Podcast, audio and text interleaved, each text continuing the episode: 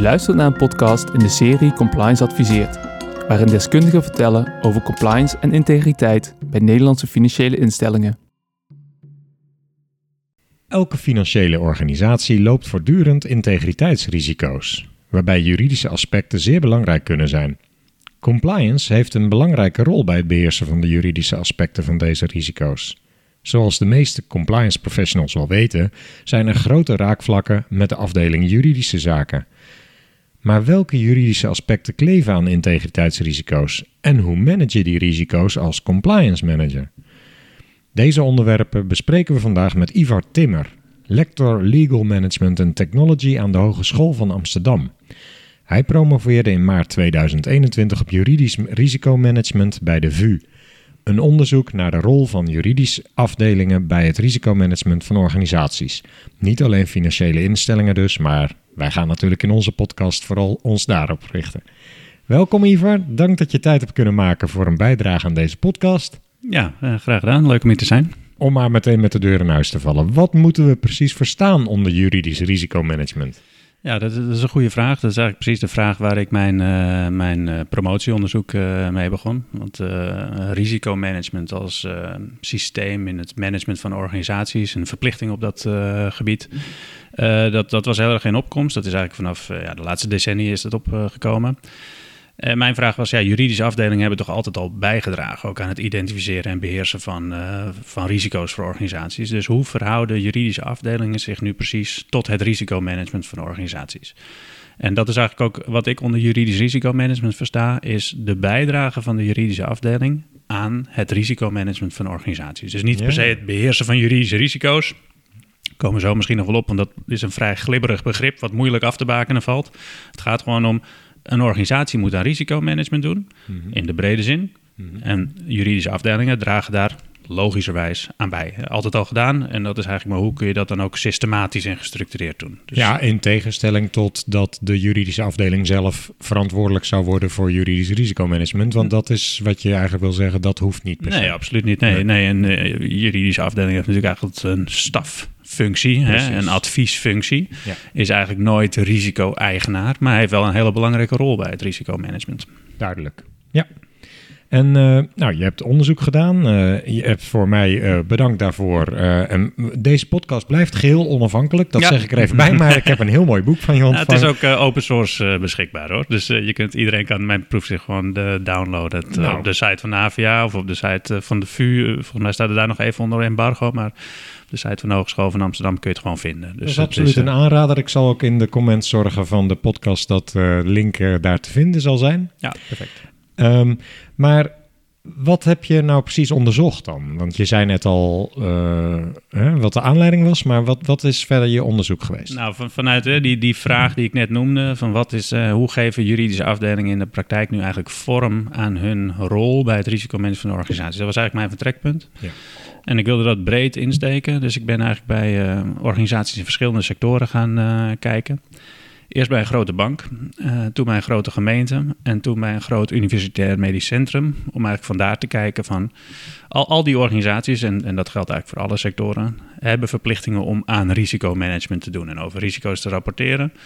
En als je zinnig over risico's wilt rapporteren, betekent ook dat je een systeem moet hebben om die risico's te identificeren en te beheersen, et cetera. Want anders, anders kun je er natuurlijk ook niet over rapporteren. Ja. Dus met andere woorden, het strekpunt was, al die organisaties hebben een systeem voor risicomanagement. Ja. En mijn... Mag ik je daar kort even over? Zeker. We hebben onlangs een podcast opgenomen met uh, Evelyn van KPMG over de systematische integriteitsrisicoanalyse. Ja, dat is er eentje voor accountantskantoren, hè? Ja, tenminste die, die, en, en banken. En banken, en, precies. Nee, bedoel, ja, ja, ja, ja, ja, precies. Maar dat is dus een vorm van risicomanagement. Maar je, hè, het gaat erom dat organisaties dus systematisch dat risico managen. Dat Eigenlijk, is wat je, waar je het over hebt, denk ik. Ja, ja.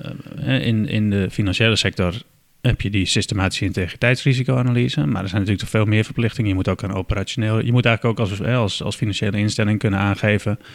welke risico's lopen we. Want voor die risico's moet je ook weer kapitaal aanhouden. En die risico, dat is in beginsel een financiële uh, situatie, lijkt het. Maar financiële risico's komen natuurlijk altijd ergens vandaan. Ja. Dus er zijn ook verplichtingen om juridische risico's, even los van wat die term exact betekent. Maar er zijn dus, de, die verplichting is breder dan alleen maar de systematische integriteitsrisicoanalyse. En dat geldt ook voor, deze, oh, voor overheden. Decentrale overheden, dus de gemeenten, provincies, waterschappen, die hebben bijvoorbeeld allemaal ook een verplichting om aan risicomanagement te doen en over hun risico's te rapporteren. En dat, dat impliceert dat je daar dus ook een systeem voor hebt binnen je organisatie om die, om die in kaart te brengen. Mhm. Eh, en zo geldt dat ook voor universitair medisch centra. Dus eigenlijk, eigenlijk kun je zeggen, alle sectoren, alle grote organisaties, maakt niet uit in welke sector, doen aan risico. zijn inmiddels verplicht om aan risicomanagement te doen. De intensiteit van die verplichtingen, die verschilt wel iets. Die zijn in de financiële sector het zwaarst. Mhm. Ehm, en in andere sectoren nog wat lichter, ben je nog wat vrijer om dat vorm te geven. Maar alle sectoren gelden inmiddels voor grote organisaties dat soort verplichtingen. Duidelijk. En dat vereist dus ook dat je, wat ik zeg, dat je daar een systeem voor hebt.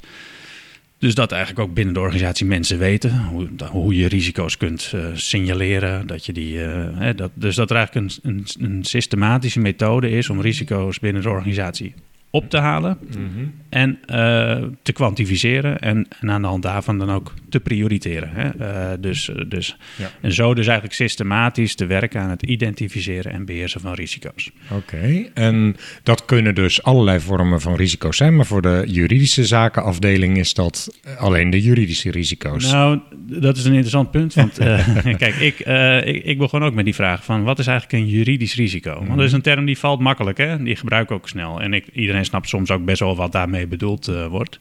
Maar als je dat echt gaat fileren, zoals ik in mijn uh, promotieonderzoek heb gedaan, dan kom je tot de conclusie dat het eigenlijk nog best wel een hele lastige term is om goed af te bakenen. Mhm. Want wat bedoel je nu eigenlijk precies als je zegt juridisch risico? Waar ben je op uitgekomen? Nou, ik ben erop uitgekomen dat juridisch risico op zichzelf, als, als je het gewoon zomaar als term gebruikt, dat het dan eigenlijk een diffuse term is, zoals ik het, uh, zoals ik het noem in mijn proefschriften. Met andere woorden, het is gewoon een vage term. Ja. Daar, daar, die is niet strak afgebakend. En ik heb er helemaal geen bezwaar tegen als mensen in spreektaal, uh, als we het even over iets hebben, dat je dan af en toe de term risico laat vallen als we weten in de context wat we daar op dat moment mee bedoelen. Mhm.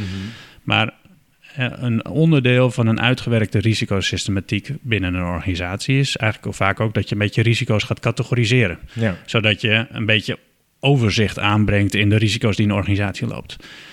En als je daar dan zomaar de term juridisch risico in zou zetten, zonder dat je dat heel strak afbakent, dan zal je zien, kijk, juridische, vrijwel alle risico's hebben juridische aspecten. Dus uh, de, in die zin is het een heel lastig af te bakenen begrip. Dus, uh, Aansprakelijkheid lijkt me in ieder geval kijk, eh, als je kijkt naar wat betekent juridisch risico, dan kun je eigenlijk twee dingen zien. Zit het nou in de gevolgen van het risico? Zijn de gevolgen juridisch? Gaat het over sancties? Gaat het over civielrechtelijke aansprakelijkheid? Gaat het over een mhm. hele... Eigenlijk, eigenlijk vrijwel alle risico's hebben uiteindelijk, net zoals vrijwel alle risico's uiteindelijk financiële gevolgen hebben. Alle, die financiële gevolgen die verwezenlijken zich via juridische aansprakelijkheid. Of dat nou een bestuursrechtelijk of uh, civielrechtelijk of zelfs strafrechtelijk uh, is. Uiteindelijk als ik jou iets moet betalen, zit, komt dat altijd via juridisch. Dus de juridische gevolgen is geen goede manier om iets af te bakenen, want dan is het alle, alles juridisch. Dan is het heel breed. ja. ja. Als we dan naar de oorzaken gaan kijken, ja, dan, is er, dan, hè, dan kom je eigenlijk meer in de maand van... Uh, we doen iets niet uh, goed, juridisch gezien, qua oorzaak. En dat heeft dan negatieve gevolgen. Nou, dat, dat is eigenlijk al een wat betere manier om naar juridisch risico te kijken. Want dan wordt je het al wat scherper van wat, hè, waar, waar komt het nou vandaan precies. Maar ook dan, en dat, ik kan dit, dit is een heel lang verhaal, wat, wat we nu even heel kort houden. Mhm. Ook dan blijkt het lastig om het af te bakenen. Dus uh, ik zeg eigenlijk meer van alle risico's hebben juridische aspecten en daarom, en de ene meer dan de ander. Sommige risico's zijn zeer juridisch van aard, andere zijn minder juridisch van aard. Maar dat tekent wel waardoor, waarom een juridische afdeling vaak ook een hele brede rol heeft in de organisatie. Bij heel veel risico's eigenlijk, om die goed te kunnen inschatten, daar ook goed bij betrokken moet, uh, moet zijn. Als ik het nou eens probeer een concreet uh, voorbeeld daarbij te pakken, wat mm in mijn belevingswereld wel redelijk ja. aansluit, is bijvoorbeeld je neemt als bank een klant aan waarvan je achteraf ontdekt, hé, hey, het was toch uh, foute boel, die hadden we niet aan moeten. En dat is, dat is een risico voor een bank. Um, wat is daar dan, als je vanuit de juridische risico's bekijkt, uh, dan het gevolg? Nou ja, uh, je hebt natuurlijk verplichtingen om een zorgvuldige controle te doen op het moment dat je zo'n klant aanneemt. Dat betekent dat het, op dat gebied gelden eigenlijk juridische verplichtingen. Dat zijn eigenlijk, ja, dat, dat zijn verplichtingen. De die ook de- die, de compliance professionals ook hè, vaak tot een belangrijke. Ja. Dus ik, ik zie een compliance risico. Is, is altijd ook een, nou, is eigenlijk ook een. Hè, als we dan toch die term juridisch risico gebruiken, dan.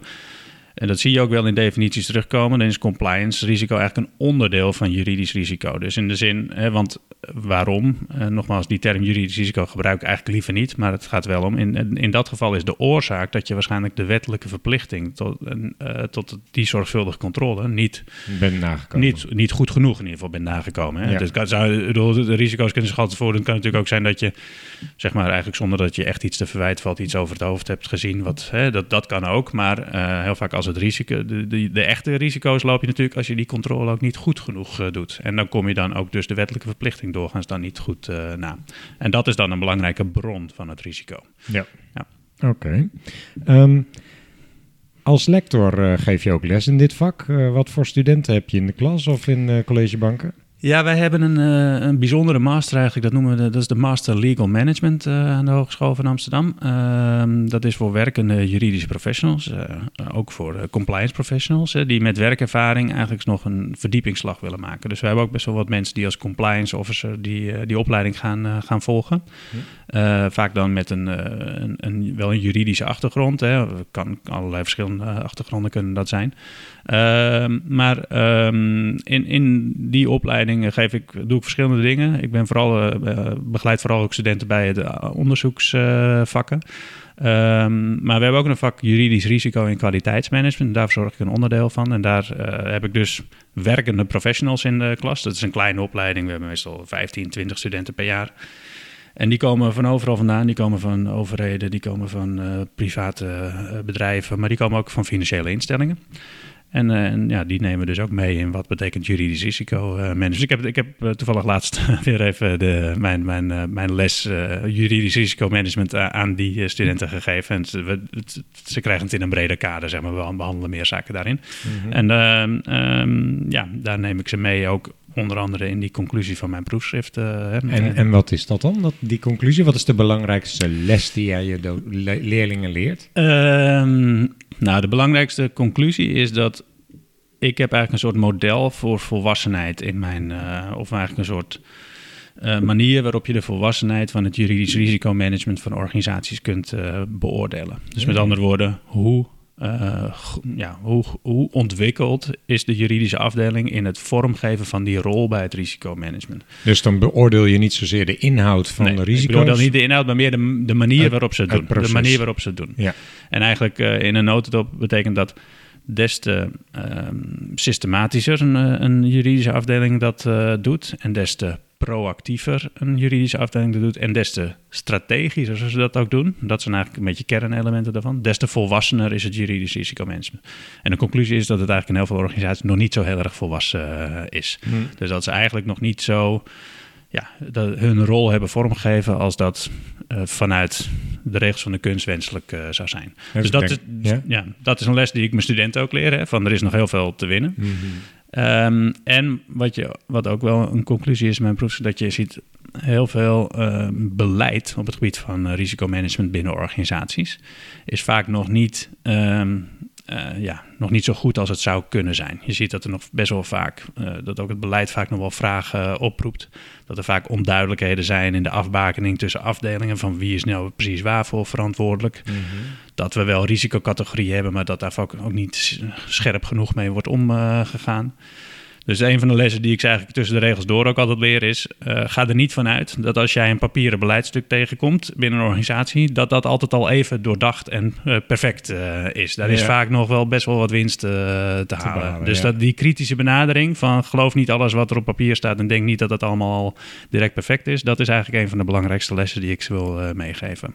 Misschien een zijweg hoor, maar hoe komt dat dan volgens jou dat dat in dat beleid hebben ze bij, tijdens het opstellen van dat beleidsdocument dan nog niet voldoende kennis van het feit dat het heel belangrijk is om duidelijk onderscheid te maken tussen die verschillende af de verantwoordelijkheden of zo? Ja, ik, ik denk dat dat een, eh, dat dat een belangrijke rol speelt. Kijk, een van de conclusies uh, in alle onderzoeken over risicomanagement blijkt dat risicomanagement nog erg silomatig is uh, georganiseerd. Dat betekent hè, afdelingen werken nog te vaak langs elkaar heen in, in plaats van dat ze echt multidisciplinair uh, goed samenwerken. Ja. Um, Risicomanagement is ook, is ook een heel abstract onderwerp. Hè? Het is een hmm. heel complex onderwerp eigenlijk. Het is best, uh, het is eigenlijk, uh, als je er echt induikt, dan is het best, zijn het lastige concepten die moeilijk te grijpen zijn. Hmm.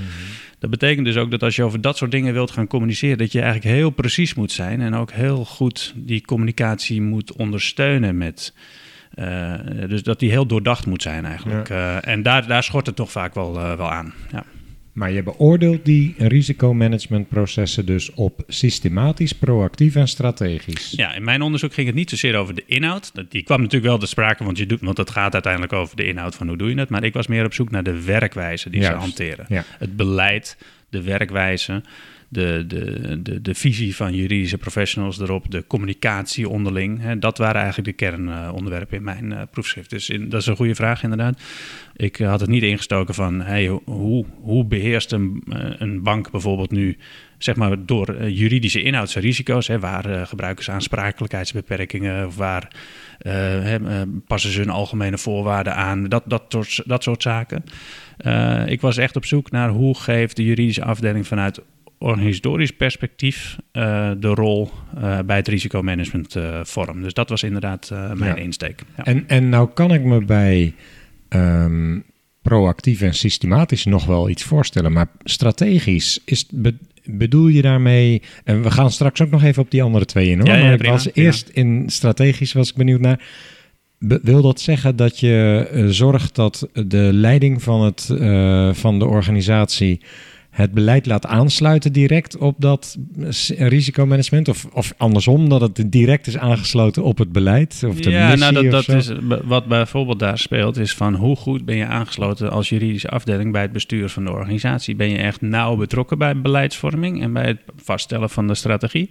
heb je op het moment dat de strategie ook uh, wordt vastgesteld, word je daar ook eh, bij betrokken? Kun je daar dus ook over adviseren? Zodat er direct bij aanvang uh, rekening kan worden gehouden met het, uh, met juridische aspecten. Hè? En dus met de juridische aspecten van het risicomanagement. Want, mm -hmm. en, dat, en dat zijn natuurlijk uh, gewoon de juridische kaders die daarbij gelden. Doe je dat goed, dan beheers je natuurlijk ook je, je risico's beter. Of ben je meer een afdeling die eigenlijk vrij laat in het proces wordt betrokken, waarbij je dan dus eigenlijk niet zo echt veel invloed meer hebt op, uh, op die strategiebepaling. maar dus wie, wie is dan in dit geval de owner van dat risico?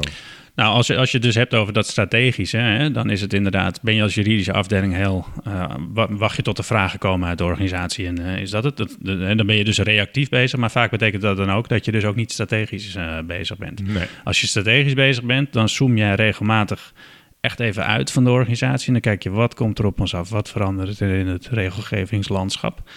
En hoe neem ik mijn bestuurders mee in het daarop tijdig anticiperen? Hè? Dus dat is eigenlijk wat je bedoelt als je zegt strategisch bezig zijn. Dat betekent dat de juridische afdeling dan ook vaak zeg maar, hoog in de boom zit in de organisatie. Dat ze goede contact hebben, dat ze echt direct ook invloed hebben op het, uh, op het beleid. Hmm. En dat verschilt heel erg per organisatie. Want bij sommige organisaties is de juridische afdeling nou, ik wil niet zeggen weggemoffeld, hè, maar wel, uh, hij, heeft een veel minder sterke positie dan in andere uh, organisaties. Dus, en des te beter je positie als juridische afdeling, des te, des te beter zal dan ook het juridisch risicomanagement zijn.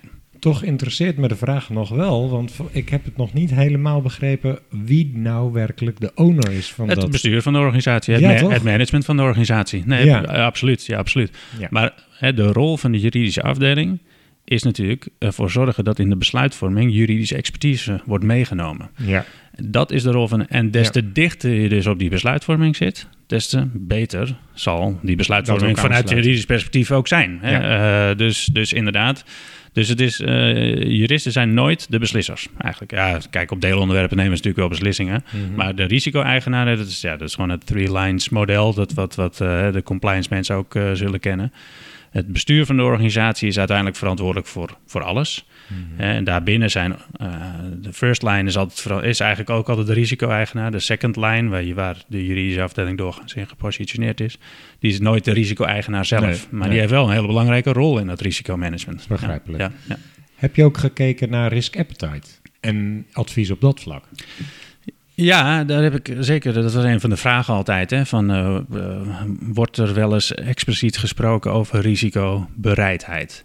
Ik kan me namelijk voorstellen, hè, misschien ga ik nu heel even. Nee, nee, ga, je, ga, je gang, ga je gang. Ik kan me voorstellen dat sommige, uh, dat bepaalde wetgeving niet altijd heel nadrukkelijk duidelijk is wat nou verwacht wordt in de specifieke situatie Zeker. van de organisatie. Absoluut. Daar kan je dan heel terughoudend in zijn van nou laten we geen enkel risico nemen. Maar uh, wordt, is, is dat ook onderdeel van je onderzoek geweest? Van hoe kom je nou tot een helder beeld van tot hoe ver wij als organisatie willen gaan, ja of nee? Ja, een van mijn vragen was altijd van in hoeverre wordt die discussie over risicobereidheid gevoerd, zeg maar. Want het is natuurlijk, okay. uh, je, je, juridische kwesties zijn en, en compliance kwesties ook natuurlijk, zijn eigenlijk zelden zwart-wit. Nou ja, in hele eenvoudige gevallen wel, maar eigenlijk Mhm. als, je wat, als het wat complexer is, dan is het nooit zwart-wit. Nee. Dus dat betekent altijd van um, hoeveel ruimte ga ik zoeken in die regelgeving? Hè? En dat is eigenlijk een risico. Dat is eigenlijk dat is de vraag naar risicobereidheid. Wat, hè, we, waar willen we als organisatie naartoe? Wat zou dan voor ons de meest gunstige route zijn om te nemen? En hoe verhoudt zich dat dan tot het juridisch kader? Mhm. En als je daar eigenlijk, hè, als je zegt van nou, we willen eigenlijk naar links.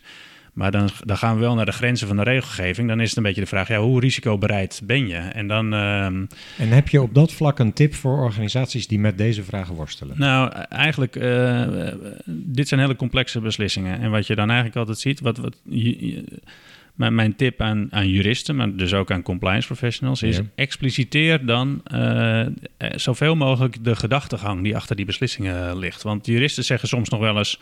Ja, nee, dat mag niet volgens de regelgeving. Maar, maar dat, dat is eigenlijk een. Uh, nou ja, zo, zo, simpel zeggen ze natuurlijk ook niet. Komt voor. Maar, maar ja. het, uh, je, moet het eigenlijk, je moet eigenlijk veel meer zeggen van. Nou, als we die uh, kant op gaan.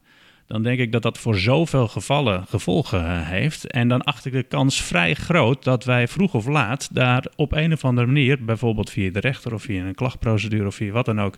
Hè, dus het benoemen van die, echt die kansen en gevolgen daarbij, ja. dat is een hele belangrijke stap. En uh, daar gaan juridische professionals nog wel eens te snel overheen. Die, die, die denken vanuit een juridische frame. Willen totaal geen juridisch risico lopen. Nou ja, dat zijn soms ook dus wel risicoavers. Hè? Dat is ook een interessant aspect. Ik heb natuurlijk ook altijd aandacht besteed aan. Er zijn aanwijzingen in de, vanuit de psychologische literatuur. En er is ook wel wat onderzoek naar um, uh, ja, zeg maar de, de, de, psychologische aspecten bij besluitvorming door juristen. Kijk, wij zijn allemaal als mensen eigenlijk slechte beslissers. Hè? Dat is uh, een van de lessen die de psychologie ons leert. Ik niet, maar ik zie het wel veel om me heen. Ja. Inderdaad, precies. dat is uh, de overconfidence bias. nee, maar dat, dat, dat, is gewoon... Ik oh, denk er dat... is ook al een term voor mijn afwijking. nee, maar dat is, ik denk dat, dat iedereen die zich daarin verdiept, die weet...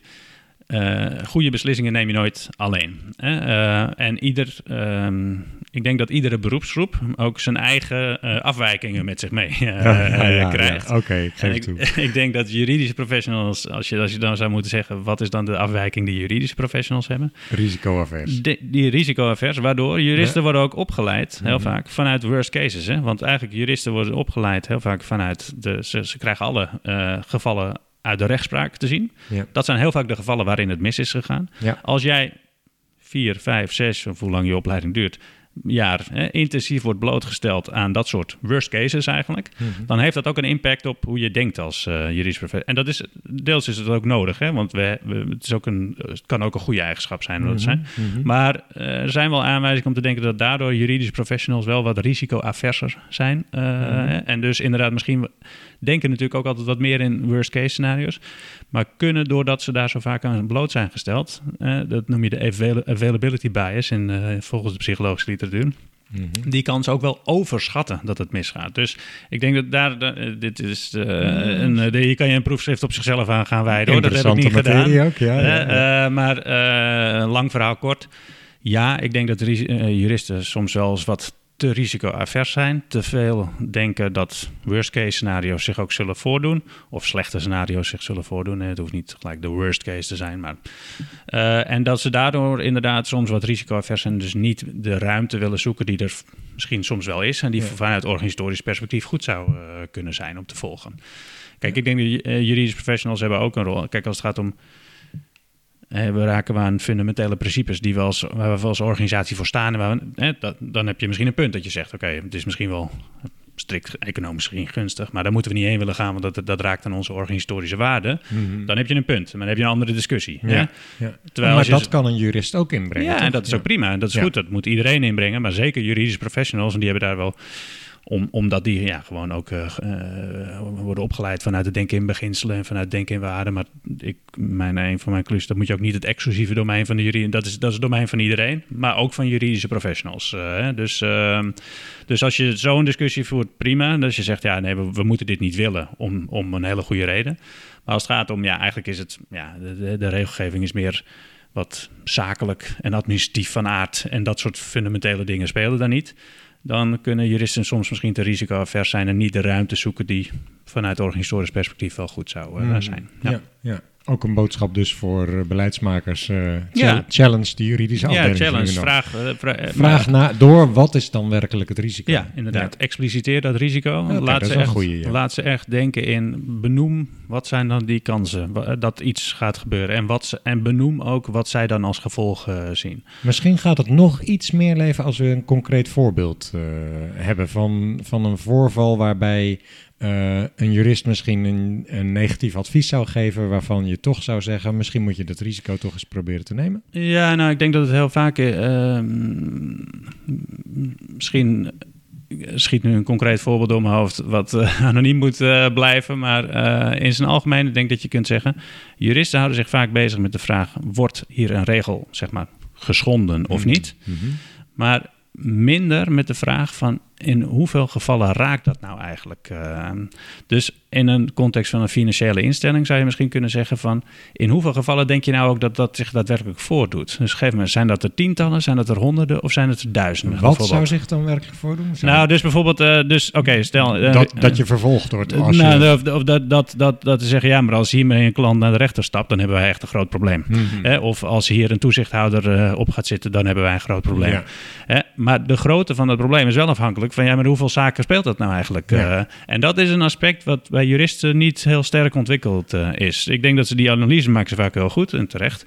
Hè, eh, maar ehm, A, soms kunnen ze de kans overschatten dat daar echt problemen uit voortkomen. En Ehm, dus dat is dan bijvoorbeeld de vraag: ja, maar bij hoeveel klanten speelt dat nou? Heb je dat nou scherp? Is het nou bij, is het bij 10, 20, 100 of is het bij, bij 10.000? Ja, ja, En dat is natuurlijk voor de omvang van het risico wel van belang. En, eh, Nou, wat ik in de praktijk nog wel eens meemaak, Mhm. is dat als je er dan over doorpraat met de juridische afdeling, dat dan blijkt dat ze eigenlijk ook een beetje op de stoel zijn gaan zitten, onbewust misschien, van eh, hoeder van de waarden van de organisatie. Terwijl ehm, het zou volgens mij niet zo moeten zijn dat, een, dat de juridische afdeling bepaalt wat de waarden van de organisatie zijn. Dat bepaal je met z'n allen. ja, Al- Als je dat expliciet maakt en ook naar voren brengt, Ja. om die reden vind ik dat belangrijk, dan kun je er een discussie over hebben. Ja. Mm, ja dat is. Ja, zo zou ik ook zeggen. Kijk, ehm, eh, eh, het gaat heel vaak. Eh, ik, ik denk dat het wel goed is dat ik denk dat alle professionals iets mogen vinden over vinden we dit passen Ja. bij onze kernwaarden. Hè? Eh, dus ook juridische professionals. En juridische Eens. professionals zijn daardoor misschien eh, van, qua opleiding misschien ook wel wat meer op gericht. ge- hè, dus ja. dat is ook, die, die rol mogen wat mij betreft ook nog wel iets meer pakken dan anderen dat pakken. Maar benadruk wel, dat is een verantwoordelijkheid van, van iedereen. Ehm, maar ehm, eigenlijk een van de kernconclusies in mijn, in mijn onderzoek is dus inderdaad dat juristen denken vaak vooral van, oh, ik heb hier een feitencomplex en hier is een regel. En dan eh, Ja. stel ik vast of dat wel of niet met elkaar in overeenstemming is. En ik ben klaar. en, en ik ben- maar dat is natuurlijk niet wat, wat er aan de hand is. Je wil eigenlijk veel vaker weten van ja, in hoeveel situaties speelt dit? Hoe groot is de kans dat hier inderdaad echt problemen uit zullen voortkomen? Ja. Dus eigenlijk gaat het een van de conclusies dat juridische professionals eh, die kansen en die gevolgen veel meer moeten kwantificeren. Denk je Dit- dat de juridische afdeling zelf daar ook de juiste partij voor is? Mm, ik denk dat dat een samenwerkingsvraagstuk eh, ja. is. Maar ik denk wel, en dat is, want dit klinkt misschien nog allemaal een beetje abstract, maar eigenlijk betekent het heel vaak gewoon. Als we bezig zijn met een analyse en we zijn bezig met het maken van een risico-inschatting, dan wil ik gewoon feiten op tafel hebben. Dan wil ik eigenlijk weten hoeveel, dus- hoeveel van dit soort dossiers hebben we nou eigenlijk lopen.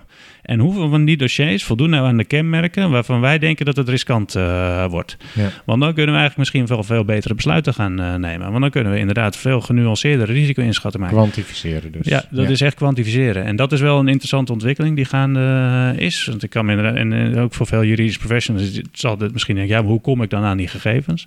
Ja, dat is natuurlijk soms in organisaties best ingewikkeld nog, hè? want die data zijn soms niet voor het oprapen. Maar daar gaat de techniek de komende jaren wel echt de boel veranderen. Want wij zijn, mijn, mijn vakgebied is nu ook legal management en technology. Hè? Dus ik kijk echt naar de technologie het inzetten van technologie in de rechtspraktijk. En er is steeds er is nu eigenlijk software op de markt die eigenlijk als je dat soort vragen hebt. Ik wil weten in hoeveel dossiers speelt nu precies dit. Hè?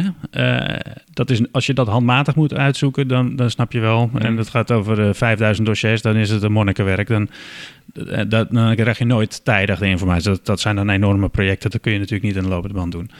Maar daar gaat die, de data-analyse software ons wel helpen. Ik denk dat als we over vijf of tien jaar kijken, dat juridische afdelingen veel nauwer zullen samenwerken met, en misschien het soms deels wel in, binnen de afdeling zullen hebben, of in ieder geval nauw samen zullen werken met een data-analyse afdeling ik, ik, denk in ieder geval dat dat een hele goede ontwikkeling zou zijn. Ik denk ook dat die gaat gebeuren. Ik mhm. denk dat juridische afdelingen die rol ook moeten pakken. Mhm. Zodat je eigenlijk veel beter kunt kwantificeren... wat zijn nou de gevolgen van hè, uh, ja, mogelijke situaties... waarin we uh, misschien in conflict komen met regels. Dus dat je eigenlijk veel beter kunt preciseren...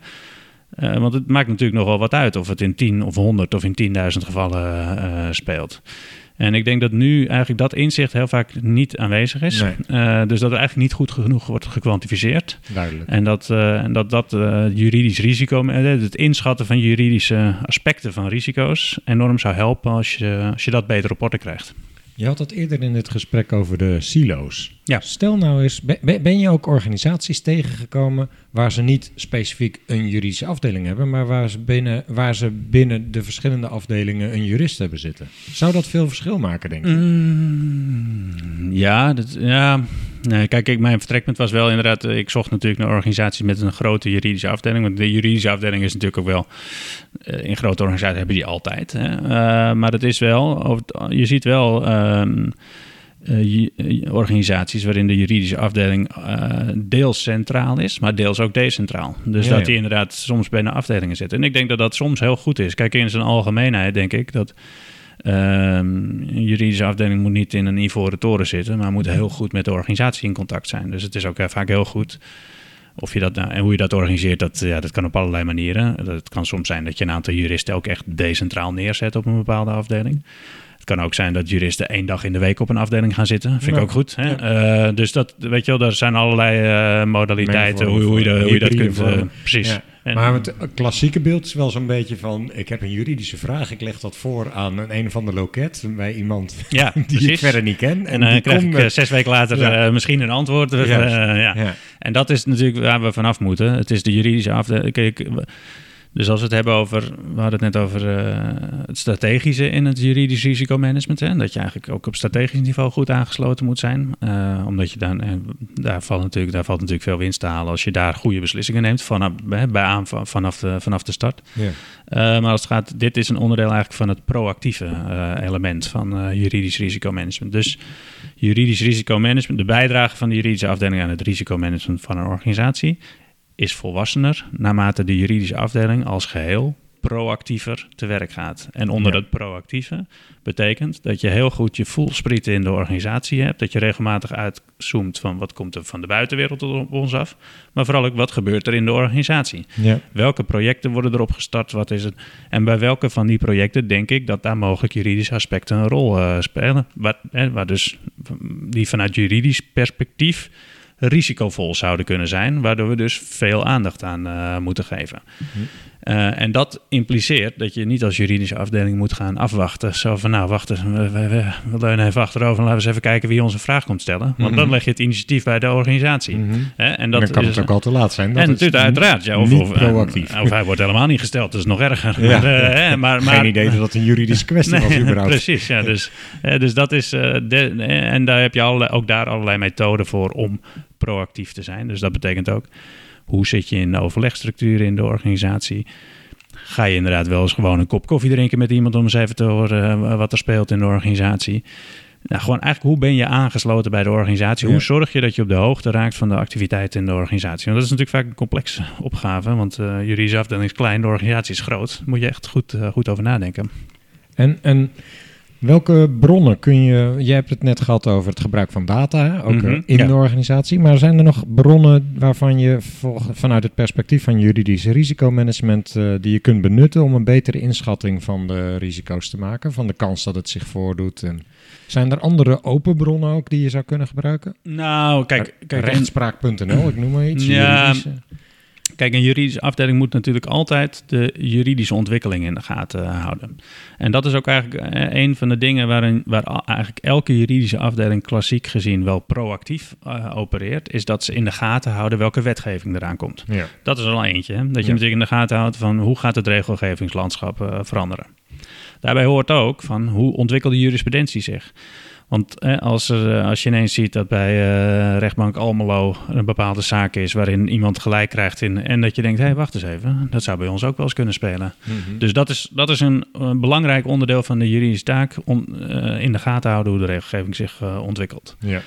Ik denk dat ehm, eh, soms kun je best. eh, rechtspraak.nl is maar een selectie van de rechtspraken die van de uitspraken die in Nederland zijn. Dus het is goed om dat in de gaten te houden. Hoort er gewoon, dat hoort er absoluut bij. Eh, maar het is niet. eh, het is meer een kwalitatieve bron van hey, zien we trends en ontwikkelingen. Ik denk dat die, die, die stap naar eh, de data in de eigen organisatie, die is heel erg nuttig. En daar gaat het dus ook om. Waar eh, zien we klachten binnenkomen van eh, mensen? Dus eigenlijk hè, benutten we al die informatiestromen die we in de organisatie hebben, benutten we die ook om goed eh, naar die voelspritten te hebben. Dus dat we eigenlijk dan zien van hé, maar we zien daar nu dat daar nu drie keer zo'n vraag over binnenkomt, of dat daar vier keer een klacht over binnenkomt. Duidt dat niet op een meer structureel probleem wat daaronder ligt? Dus ik denk dat daar de, de data-analyse ja. dat de meeste winst te halen is door heel goed te kijken naar welke informatie hebben we binnen de organisatie. Dus een jurist moet ook heel goed in de gaten houden wat er in de organisatie Ja, speelt. ja. En misschien ook, eh, heb je daar ook over concrete adviezen in je proefschrift genoteerd? Hoe ze dat eh, moeten doen? Nou ja, we- een aantal van die dingen die ik net, eh, die ik net noemde inderdaad. Dus ook heel goed klachten in de gaten houden van waar komen nou ges- hè, mogelijk conflicten binnen. Waar merk je dus, dus ook regelmatig met afdelingen in gesprek van waar merk je dat bijvoorbeeld dat je met klanten regelmatig een discussie eh, hebt over, eh, over zaken. Ja, Dat ja. kunnen ook signalen zijn. Ja. Oké. En eh, welke rol zie je hier nou specifiek gele- weggelegd voor compliance naast dan de jurist? Ho- Hoe, je noemde net dat voorbeeld, er wordt een nieuw product ontwikkeld. Ga Ja. je al meteen aansluiten welke juridische risico's moeten we hier afdichten?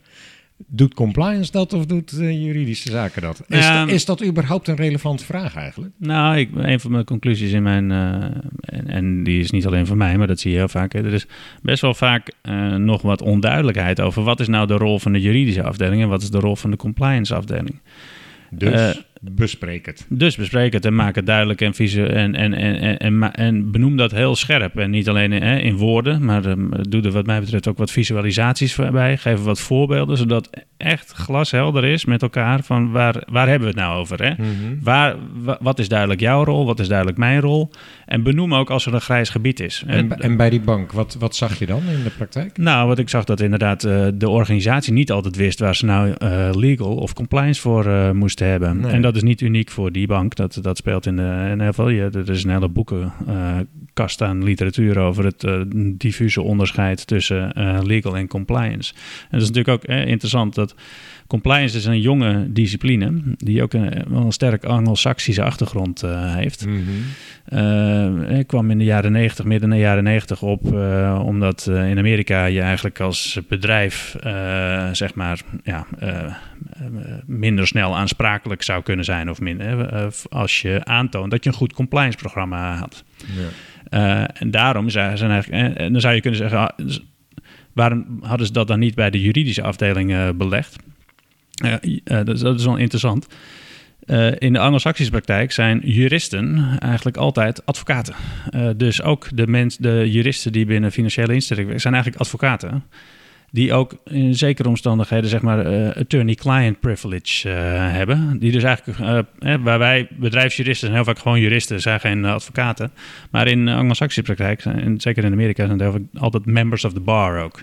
Dus die worden eigenlijk als heel partijdig gezien. En daar wilden ze dus eigenlijk, moest je een wat meer onpartijdige functie daar tegenover stellen. Mhm. Nog, nog steeds wel in belang van de Onafhankelijkheid maar onafhankelijk inderdaad. Ja, Hè? ja. Dus, ehm, Ehm, eh, dus vanuit de Anglo-Saxische praktijk was heel logisch dat je daar een aparte functie voor eh, ging creëren. Ja, ja. Terwijl in de, in, de- in de continentale praktijk eh, zie je ook eigenlijk dat, dat je dat dus nu alleen in sectoren hebt die eigenlijk ook onder sterke Anglo-Saxische invloed staan. Dus dat is wel, het, ik denk, compliance en legal liggen heel erg in elkaars eh, verlengde. Nou, wel, welk onderscheid ik soms wel zie, is dat Mhm. compliance vooral wordt opgeleid als het gaat om WWFT.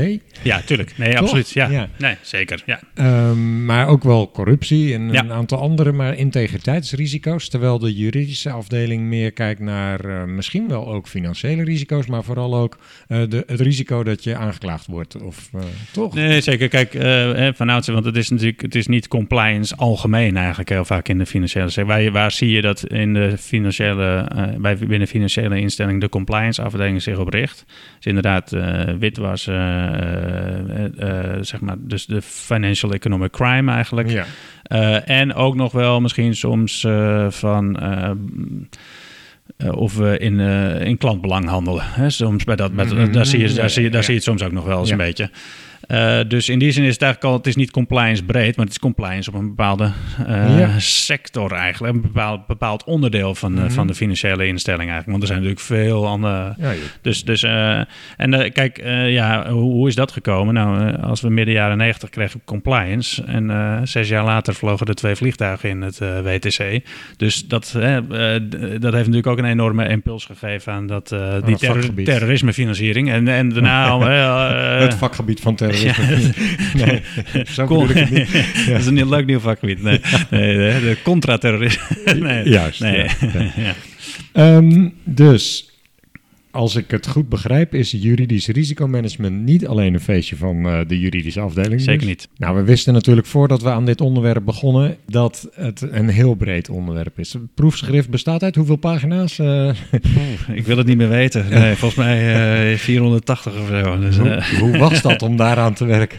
Nou, eigenlijk voor sommige mensen is het echt een leidersweg. Bij mij is het eigenlijk eh, relatief soepel eh, gegaan. Ik heb het in eh, nou, een kleine zes jaar eh, afgerond naast mijn werk eigenlijk. eh, wat voor een buitenpromovendus vrij, vrij kort is. Dus dat ging eigenlijk vrij aardig. Ehm, en, en het is ook heel leuk. Het is ook heel interessant om gewoon... eh, knap ja, werk, knap werk. Dankjewel. Ja. Ehm, in 40 minuten ongeveer hebben we nu eh, de hoofdlijnen van dat onderzoek eh, besproken. Mhm.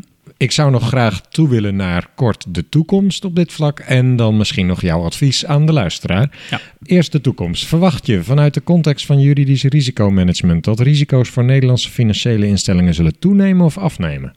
En waarom? Nou, ik denk dat, eh, eh, dat, dat er altijd risico's zullen blijven die, die fors zullen zijn. Ik denk dat eh, de ehm, eh, financial economic crime, dat dat, dat de komende jaren nog wel een heel actueel thema zal blijven. Er zijn instellingen natuurlijk eh, heel erg bezig om te kijken of ze de krachten kunnen bundelen. Daar zitten alweer complexiteiten met privacy, dat soort zaken aan. Maar dat is een interessante ontwikkeling, denk ik. Dus ik denk, en ja, waar denk ik dat risico's zullen toenemen? Kijk, we krijgen natuurlijk, eh, fintech zal de wereld ook nog gaan eh, veranderen. Hè? Dat, Ja. Er zijn natuurlijk al heel veel ontwikkelingen gaande. Die zullen de komende jaren zeker ook zijn. Wat, je, wat, wat eh, ik als een, wat ik denk dat risico's zijn, je ziet dus ook dat soms banken andere organisaties overnemen voor de innovatie, eh, om de innovatie eigenlijk te versnellen. En dat is eigenlijk altijd een lastige situatie, want dan neem je zo'n jonge start-up over en die moet je in een, de context van zo'n grote financiële instelling integreren. Dan ontstaan er eigenlijk ook altijd spanningen van, hey, hoe compliant ben jij, zeg maar. Hè? Het is altijd makkelijker als je vanuit de eigen cultuur kunt eh, werken. Ja. Dus dat, daar, daar zie ik zeker nog wel dingen. Ja, ik denk ook eh, dat. dus ik denk dat er altijd weer thema's zullen oppoppen die een tijd eh, actueel zullen zijn. En dan denk ik bijvoorbeeld aan een, een van de dingen. Eh, ik voorspel zeker dat er ergens in de komende vijf of tien jaar een, eh, een schandaal rondom greenwashing eh, zal optreden. Waarin een financiële instelling zegt te werken aan duurzaamheid. En dat eigenlijk niet duurzaam zal blijken te zijn. Hè? Dus, eh, of of nou ja, dat, dat soort zaken. Ja. Dus, Dat is ook een juridisch risico. ja, ze- nou ja, ik bedoel, het duurzaamheidsbeleid is ook een, ja, soort uitwerking van, van, dus, dus- Strategie. van strategie, Ja. waar, waar ook juridische aspecten een rol spelen. Of dus, misschien zelfs missie voor sommige ja, absoluut, Ja. absoluut. Ja. Dus, Zal de aard van de risico's ook wijzigen, zodanig dat je daarmee in het proces van risicomanagement rekening moet houden, denk je? Ehm, Nou, ik denk dat een heleboel dingen hetzelfde blijven. Maar bijvoorbeeld zo, dat duurzaamheid zal bijvoorbeeld wel uh, nadrukkelijker op de voorgrond rijden. Dus dat is in die zin ook wel een soort verandering in aard van risico's, denk ik. Hè? Ik denk uh, risico's zijn heel, heel, erg wat er ook actueel is in de samenleving, et cetera. Waar ook nog uh, nieuwe regelgeving is, waar dus nog onduidelijkheden over zijn. Hm. Dan, dan, ja, dat is eigenlijk dan ook een bron van van risico's waar juridische aspecten van, uh, van belang zijn. Hè. Zodra er onduidelijkheid is in de regelgeving, ja, dan is dat ook het moment waarop dingen nog kunnen ja, ja. Uh, vragen kunnen oproepen en waar je dus ook verkeerde keuzes kunt uh, maken. En in dat opzicht zie je bij duurzaamheid nog veel onduidelijkheid. Ik denk dat dat de komende nou, decennia natuurlijk een zeer belangrijk thema zal ja. uh, zijn. En dat, ja, dat, dat voor financiële instellingen, en niet alleen voor financiële instellingen, maar nog heel veel vragen zal gaan oproepen. Ja. En dat dat, ja, waar veel on juridische onzekerheid ook nog wel zal gaan ontstaan. En dat zal dan zeker ook juridische risico's, hè, als we dat dan toch zo even noemen, oproepen. Ja. Ja, ja ik mocht het eigenlijk niet zo nee, noemen. Voor de spreektaal is het toch vaak wel makkelijk. Maar, okay, ja, ja. Tot slot, aanhakend op de titel van deze podcast. Wat is je belangrijkste advies aan luisteraars van deze podcast op het vlak van compliance? Of wat is het beste advies wat je zelf ooit kreeg misschien op dit vlak? Ja, ik dacht er natuurlijk van tevoren even over na. En ik denk inderdaad, uh, wees je er altijd van bewust dat uh, communiceren over risico's en uh, over juridische aspecten van risico's of compliance aspecten van risico's, dat het complex is. En als je daar dus uh, voor organisaties bijvoorbeeld beleid over gaat formuleren, zorg dat, het, dat je niet altijd alleen maar tekst opschrijft, maar ondersteun dat echt met visualisaties, voorbeelden, want misverstanden liggen heel snel op de loer. Dat is, dat is eigenlijk mijn advies. Bij dit soort onderwerpen liggen, liggen misverstanden heel snel op de loer. Wees je daar bewust van. Vraag altijd door tot, totdat je op het punt zit van: oké, wij weten echt met elkaar waar we het over hebben. Ja. Uh, en tussen onze uh, interpretaties bestaat nauwelijks licht, hè, zit, zit nog nauwelijks licht. Want uh, ja, de, de, een van, dat is een van de belangrijkste conclusies uit mijn ja. proefschrift: dat je heel snel misverstanden ziet tussen, tussen mensen als je het over dit soort complexe, abstracte onderwerpen gaat hebben. Nou, ik denk dat wij je goed begrepen hebben. In ik hoop het ook. Ja. Hartelijk bedankt voor je bijdrage aan deze podcast. Graag gedaan. En heel veel succes in de toekomst. Dankjewel. Jij ook bedankt. Dank dat je luisterde naar Compliance Adviseert. Heb je met plezier geluisterd? Volg dan op LinkedIn de pagina van Compliance Adviseert. En kijk even op onze website complianceadviseert.nl. Laat daar meteen even je e-mailadres achter, zodat je een update ontvangt in je mailbox zodra er weer een aflevering klaar staat om te beluisteren. Heb je een vraag of aanvulling? Laat dan ook even een reactie achter op de LinkedIn-pagina of de contactpagina op onze website. Ik zal het met plezier lezen en wellicht kunnen we op die manier nog meer compliance kennis delen. Heel graag tot de volgende podcast.